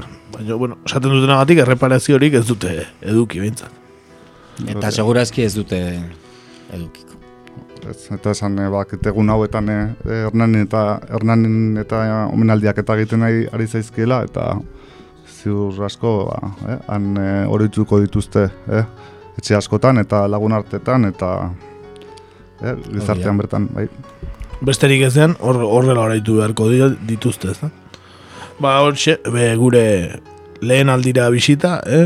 Hernani aldera, sagardotegi inguruetara, eh? Eta, ba horixe, abesti jatekin eh, amaituko dugu atalau. E, bueno, garai ba, antzekoak, ez, pixka geroxeago agian, eh, kortatu taldeak eh, egindako Hernani amabos sei laro eta lau, ez, abestia. Bere lehen diskokoa ez, kortaturen lehen diskokoa, eta orain ere, ez dakit, hogeita bost, hogeita marrurte bete dituena, baina ez, hogeita, hogeita mar, ez gehiago, berro, hogeita ma bost, ez da izan bat urte bete dituen, hogeita ma bost, berro. Badakizu zuzen badauzkazun, hori. Ja, hori ja, da. nire nazten Ez da, hogeita ma bost, berrogei urte bete ditu, no, ikusi nulako endala gutxi eh, jarri zuela Fermin Muguruzak, zeo zer Bai, nukait. Hogeita maost izango dira, bai. Ba, hori xe, ba, e, laro egarren amarkadako Hernaniko, Hernani buruzkoa besteak kortaturena, ba, horrekin uste zaituztegu.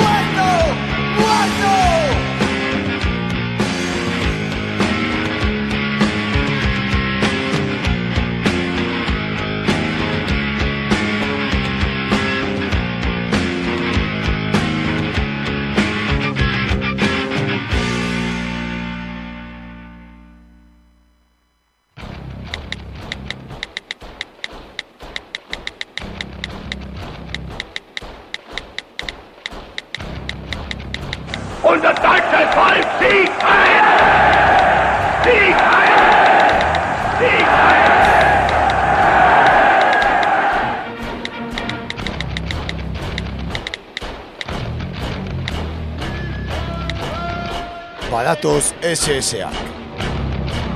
Sare sozialetan egur.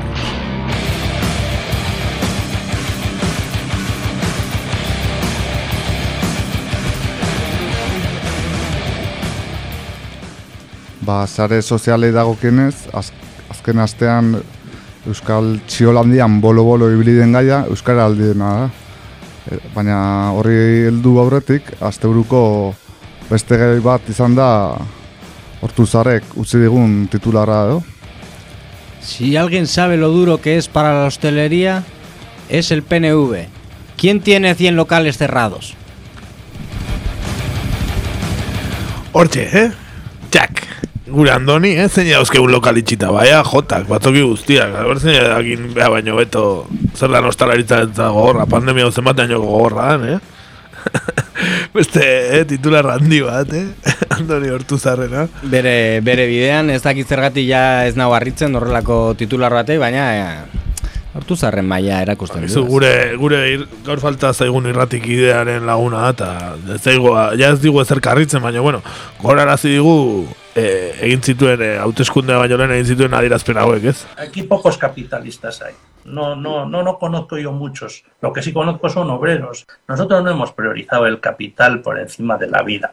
Nosotros no le defendemos al capital, defendemos a los currelas.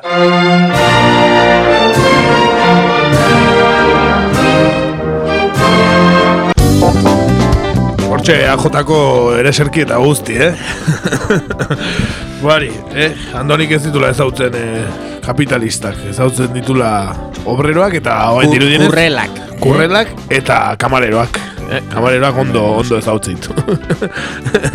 Askotan egoten da. Zorioneko gaude gainera, ez beste denbora pixkaterako dukiko dugu Andoni, dirudienez, baina Bai, Euskadiko buru batzar Ah, bai, aukeratu dute berriro? Bai, inor gehiago ez da orkestu eta gaur esan dute bera izango dela, presidente Eh, EAJ-an kide asko daude, baina horrelako bururik, horrelako bururik Hor bat gutxi.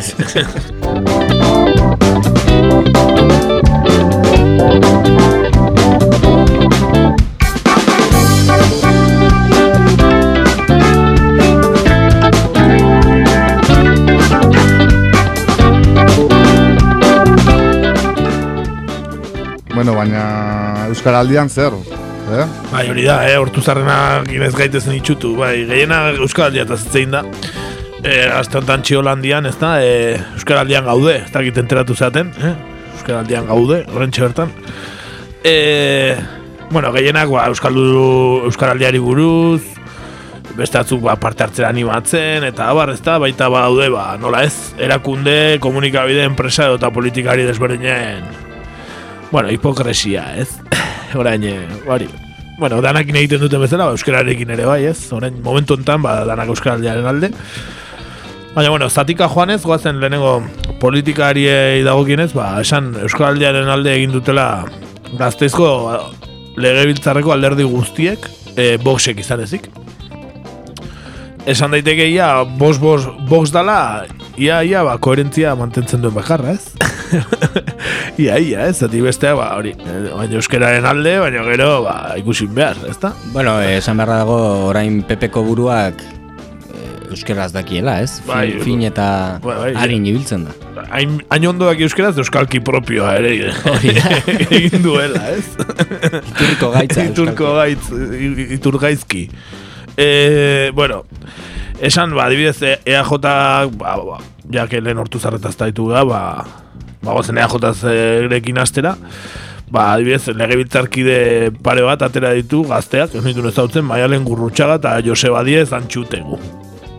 Ez du ezautzen. Bueno, baina legebiltzarkidea dia gazte izen, ja gaztetatik, eh, etorkizuneko ba, Inigo Urkullu izan daitezke. Eta, bueno, ba, audio bat ekarri dugu, ba, bueno, bideo bat egin dute, ez? Hau bizi rola aukeratu dut, oraindik ere nengute ingurunean baditu dalako pertsonak euskeraz jakinda erderaz egiteko e, ohitura daukagunak. Eta nire konpromiso hori izango da, nire inguruan euskeraz dakiten guztiekin euskeraz aritzea. Ni aurten belarri prest izango naiz. Hori egingo dut irudikatu nahi dudalako zein garrantzi duen euskaraz ez dakiten pertsonekin euskaraz egitea eta horiei aukera ematea euskaraz aritzeko. Euskeraz gehiago Gehiagorekin eta gehiagotan.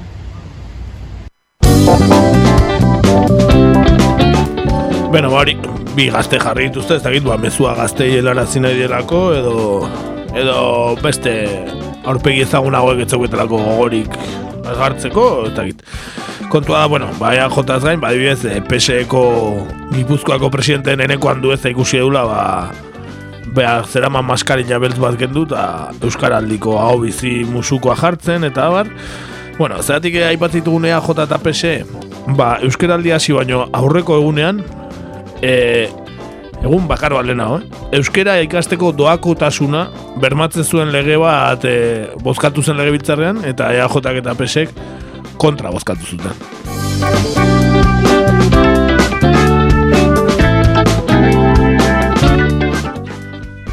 Aurreko legegintzaldian hartutako erabakian atzera egin eta Eusko Legebiltzarrak ez du euskara ikasteko doakotasuna bermatzen duen EH Bilduren lege proposamena tramitera onartu.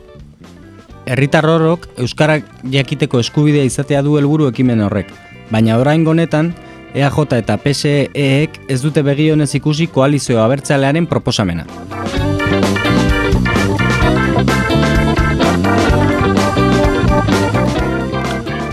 Iaz ere, antzeko proposamena aurkeztu zuen EH Bilduk, eta alderdi guztien babesa jaso zuen, peperena salbu. Lege proposamen horri buruzko eztabaida ere abiatu zuten orduan, baina hauteskundeak aurreratzeko eta ganbera desegiteko erabakiak prozesu eten zuen.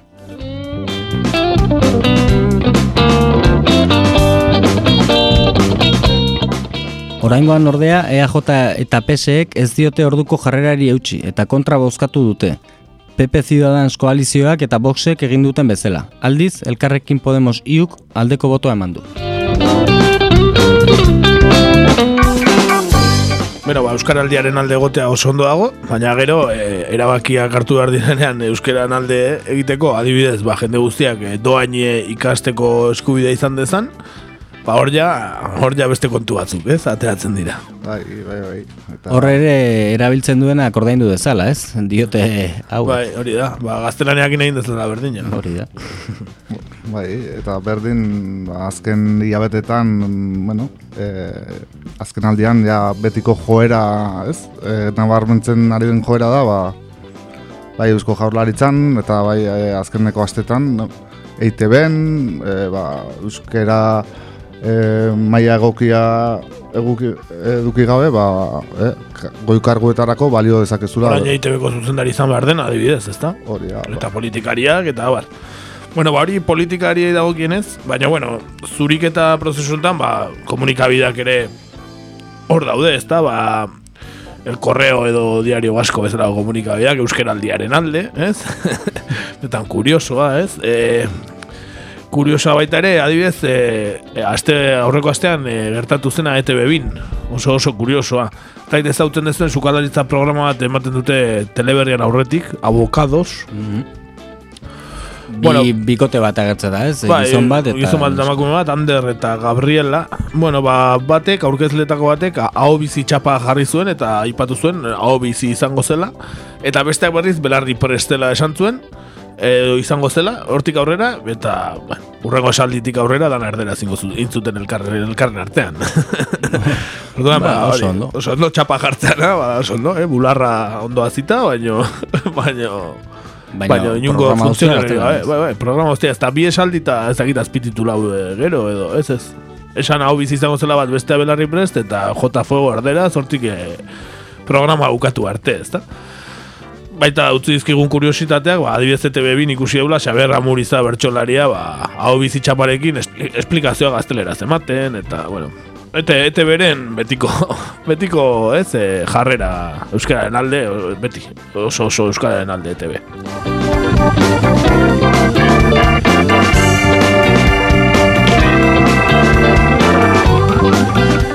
Enpresei dagokienez, ba, euskal enpresa famatu bat ekarri dugu, eh? Adibidez, eroski. Eroski ere, noski, euskara, euskaraldiaren alde. Bueno, ba, eharra e, Twitterreko erabiltzaileak eharra izeneko esan zion, benetan eroski gaztelera utxean duela bere Twitterra. Txio bat bera ere ez euskeraz. Erantzun zion ez, e, idatzi zion eroskiri. Eta eroskikoak erantzun kaixo eharra, oraingoz ez dugu eus- euskaraz argitaratzen Twitterren, baina ela erantzuten diegu zuen zalantzi eta reklamazioi. Dena dela, kontuan hartzen dugu zure interesa, bero bat. Ba, oso ondo. Euskaraz erantzun baina ez dut euskaraz ez zer argitaratzen eroskin adibidez, ezta? Bai, hor, justo aurrekoan lagun batekin joan nintzen eroskira, erosketak egitea eta kontratatu dituzte antza, ez? Ba, jendeak kanpoan nolabait e, gela eta eskura emateko, ba, bueno, e, jendeak gogorarazteko, ez? Eta harritu zigun agur esateko ere kapaza ez, ez zela jendea, ez? E, nolabait guk agur esan eta besteak adios eta behar bada konturatu ere ez ziren egingo, noski, baino hor badago er- eroskiren erantzukizun bat, ez? E, ze jende nolabait zu establezimendura sartu eta ze hizkuntzatan agurtzea nahi duzun edo gutxienez bi hitz, eh? gehiago ez dut eskatzen. Bai, eta gero, ba, bere produktuak eta dituenak ere, lehen beti otezian e, lau hizkuntzatan, ez da eta gordezaten, zon katalanez, gallegoz, euskeraz, azkenaldian askotan gaztelaniaz bakarri daukate, eta bar, ez da? Orduan, ba, beste euskal fama, e, enpresa famatu bat, hori ere, ba, seguru euskal aldiaren oso alde, baina euskeraz gutxi. Eta gero ja azkeneko zaku batean sartzeatik dauzkagu, ba, zuzenean Euskaraldia izan da ere Euskararen aurka agertzen direnak, ez? Holako, holakoak asko daude Twitterren ere, eh? Be- benetan perla handia guztien dizkigunak. Pare bat aipatzearen adibidez, Mikel Rogado, El euskera al día, ese momento que en teoría se utiliza para promover el euskera hablándolo 14 días, una idea buena, pero en la práctica se utiliza para señalar al que no se adhiere al programa, una forma más que tiene el nacionalismo de estigmatizar, dejar la libertad, en dejar libertad de una vez. Hortxe. Dejar, eh? Dejad. Ez Idatzi dejad, dejad, ah, nik irakurri gaizki. Ondo idatzita zeukan, ondo nahi ondo idatzita, tildereak ere jarri ditu. Baino, hori, ba, beste gehiago, ez, estigmatizazioa hori, euskeraz, eh, egiteko eskubidea, ba, hori, da, bestea seinalatzea, ez da. Bueno, beti, betiko kontua. Eta gero dago, igual behin, eh, bakarrik honi buruz hitzein beharko dugu, ex-abertzale deitzen den tipo bat Twitterren, bueno, da, igual egun baten monografiko bat egin behar diogu, eh? Caso honetan esaten du, los batasunos institucionalizados ya están otro año intentando engañar a la gente con el Euskara al día. Y como son los guays, ponen publicidad en el espacio público donde les sale de sus partes, con, tal, con, tal, con total permisividad del PNV. Euskaratik fascistak bota arte ez hitz egin euskaraz. Horrelaxe, esaten du esabertzalek. Dirudienez abertzalea zenean euskaraz tezun da, bain, ba, fascista komen daude euskeran eta bidali arte ez duela beak euskaraz egingo, eh? Monografiko bat merezi du dudari gabe. Bai, bai, bai. Bizarra moztu arte, ez euskara libre izan arte ez du moztuko bizarra, ba, bueno, antzeko, baina alderantzi zeiten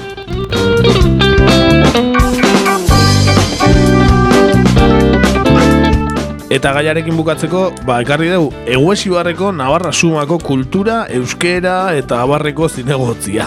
E, e, imaginatuko ez zuen, nundi doan, ez da? Gure eguesi barreko euskera zinegotzia, nera dirazpena nundi joan daitezken, e, imaginatuko ez zu, ez? Emakumeak e, Inmaculada Mujika Ustarroz dauka izena eta abizenak, e, eta hori, ba, oso abizen euskaldunak izan arren, ba, euskera ez zaio gehiagi importa, entzun dezagun. A ver, el euskera es, eh, es una lengua minoritaria y como tal hay que protegerla, no hay que imponerla. Forma parte de la comunicación de las personas y de su libertad de usarla o no. Si una asociación quiere hacer una campaña, es libre de hacerlo, pero no es función de ese ayuntamiento unirse a ella y no vamos a hacerlo. Proteger el euskera. La mejor manera de proteger una lengua es no politizarla y no usarla con objetivos nacionalistas, que es lo que hacen. Si dejaran de apropiarse de ella con fines políticos, quizá conseguirían que se hablara. Cada vez que utiliza el euskera, cientos de vascoparlantes no nacionalistas deciden de- dejar de usar el euskera. Flaco favor le hace al idioma que dicen querer proteger.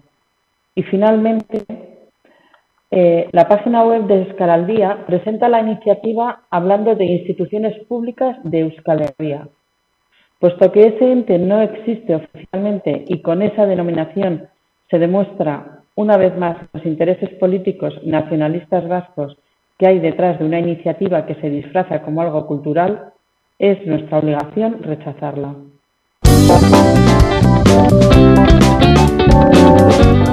Beste behin ere napar regionalistak eh, nazionalismoa besteena, eh? eh beti ere, eh? Behaiena ez. Bueno, eh, esan, eh, estadística curiosoa, eh, hasta que intutik den, eh, Bildu cada vez que utiliza el euskera, cientos de vascoparlantes dejan de utilizarla, eh? pilo bat, orduan, eh, astero bilduk euskera erabiltzen duenan, pf, Naparroan, eun, eundaka eta eundaka guzten diote euskera erabiltzeari. eh? Argumentu izugarria eta pixuzkoa benetan. Benetan, benetan, bai, bai, estadistika sakona, eta hori, ba, e, euskera salbatuko dela pol, ez politizatzen. Eh? Ja, bitxia da, zerdik beraiek dira gehien politizatzen dutenak, ez? E, be, beraiek naturalki euskaraz egingo balute, zikera, ba, e, Bai, bai, eta badaudela Navarra suman euskal jendea, euskaraz dakiena, Bai, badago, badago. Baina hori, eh, ez dakit, ba, nahi dute ba, ikuluan eta sukaldean bagarrik erabiltzeko euskara Hori da, bat. txakurrekin eta aurrekin. Hori da. Eta beste guztia, ba, hori, behaiek oso alde daude euskararen alde, baino ez politizatu, ja. Eta, claro, lehenago jasan izan duen errepresio guztia, eta Naparroan are eta egian handiagoa, hori ez da ezin da erreparatu, ez? Hori gaur egungo egoera hau da, eta listo, ez da? Aurre, eta hau da, jendearen eh, askatas, jendeak askatasunez aukeratu duelako bere hizkuntza, ez da? Bueno, diskurso bizkat infantila eta eta gezurteroa, baina, bueno, inmaculada mugika, segiko dugu hau ere, gertutik. Oso Eh, gertutik. Hori da. E, ba, hoxe, hoxe geneuzkanak, Euskaraldia eta abar, abestia Euskaraldiko aurtengoa jarriko dugu, eh? Broken Brass Brothers, Broken Brothers Brass Band, eh, egindako abesti bikaina, eh? New New Orleansekoa dirudi, baino baino naparra dira, hauek ere, eh? Kuriosoan, eh, zera bezala, gure in- inma bezala. Eta horixe, ba, datorren astean, eh, a ber, astelera egiten dugu, no? A ber, PCR akzesaten diguten, no? Ez dakit, ez dakit esango digun eh, alderdia kasu hontan. Igual ostiralean egin barko dugu, datorren astean. Ez dakit, a ber, alderdiaren je- protokolo jeltzalea jarraitzen ari gara, eta ea, ze, ze, zertan bukatzen duen, ezta? hori da, hau bestela, ba, e, Fernando Simón edo, bueno, e, Euskal Autonomia Elkartaren kasuan, Jonan Fernandez uste du dela, Bai, bai, da gauza guztietan aditua, den Jonan Fernandez, eh? ba, berari kontsultatu beharko diogu. Bai. eh? Jonan Fernandez edo Fernandon Simón, ez dela, ez? ba, hortxe. Ba, hori, urrengo astean, ea, ea lauro gauden, edo zer dion protokoloak, bestela, ba, datorren astera arte. Hori da, ondo izan. Aste buscar a lei.